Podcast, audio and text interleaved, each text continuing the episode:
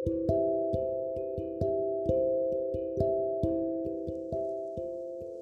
mengadi-ngadi, kini ada teori konspirasi bumi berbentuk donat. Teori ini terlihat lebih gila daripada teori bumi datar. Tapi jangan salah, ternyata banyak loh yang mengamini teori bumi donat ini. Berdasarkan penganut teori bumi donat, ada lubang besar di tengah planet bumi. Mustahil disaksikan manusia.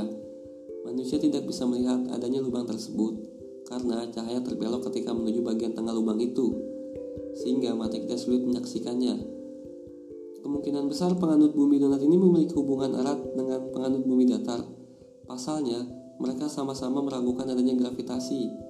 Tapi penganut teori bumi donat tidak menolak adanya gravitasi secara keseluruhan. Bagi mereka, gravitasi lebih mirip dengan lelehan, seperti donat berselai. Gravitasi bergerak seperti lelehan selai tersebut.